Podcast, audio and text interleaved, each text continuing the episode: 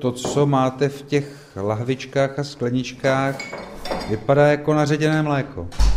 Ten polymer rozpustíte v rozpouštědlu, děláte z něj takovýhle likvid a celý ten proces foukání nanovláken znovu z toho tekutého polymeru uděláme ten pevný, nicméně už to není v tom granulátu, ale jsou to ty nanovlákna. Vysvětluje student Fakulty umění a architektury Liberecké univerzity Jan Koníček. Inspiraci k vývoji konstrukcí z nanovláken zachytávajících vzdušnou vlhkost našel u největšího tuzemského pavouka, pokoutníka. V roce 2018, kdy bylo jedno z největších such, jsem byl v lese, ten les byl naprosto suchý a jediný to místo, který je vlhký, nebo je tam třeba kapka vody, tak je ta pavoučí síť. Dokáže eh, svou eh, síť uplíst způsobem, kde ta kapka je schopná vydržet díl než v okolním prostředí. A to je i vlastně účelem té naší věci. Z toho materiálu vy jste dělali samotné stavby? Koncepty jsou dva, jeden je samostatný pavilon, vyrobený z toho našeho konkrétního materiálu, a nebo je naše další myšlenka, idea, která je daleko komplikovanější, je použít vlastně tenhle materiál na nějaké předsazené fasády.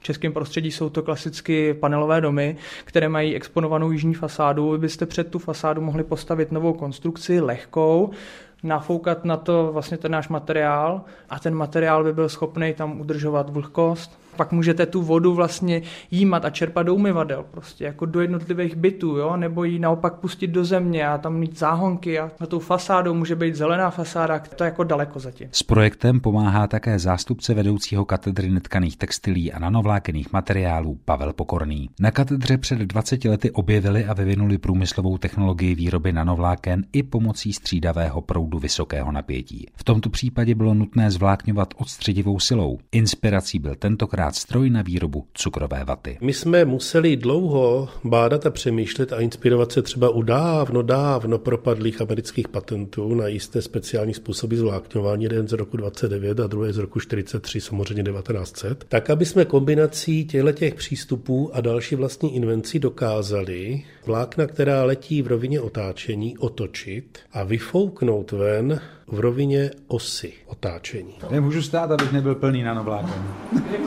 Jenom ne předtím, ano. Jo, tohle to teďka běží ty boční ventilátory, které tlačí vzduch do toho mezikruží. Prototyp zařízení, které na katedře už nějaký čas mají, je vyrobený mimo jiné z kanalizační trubky a soustavy ventilátorů.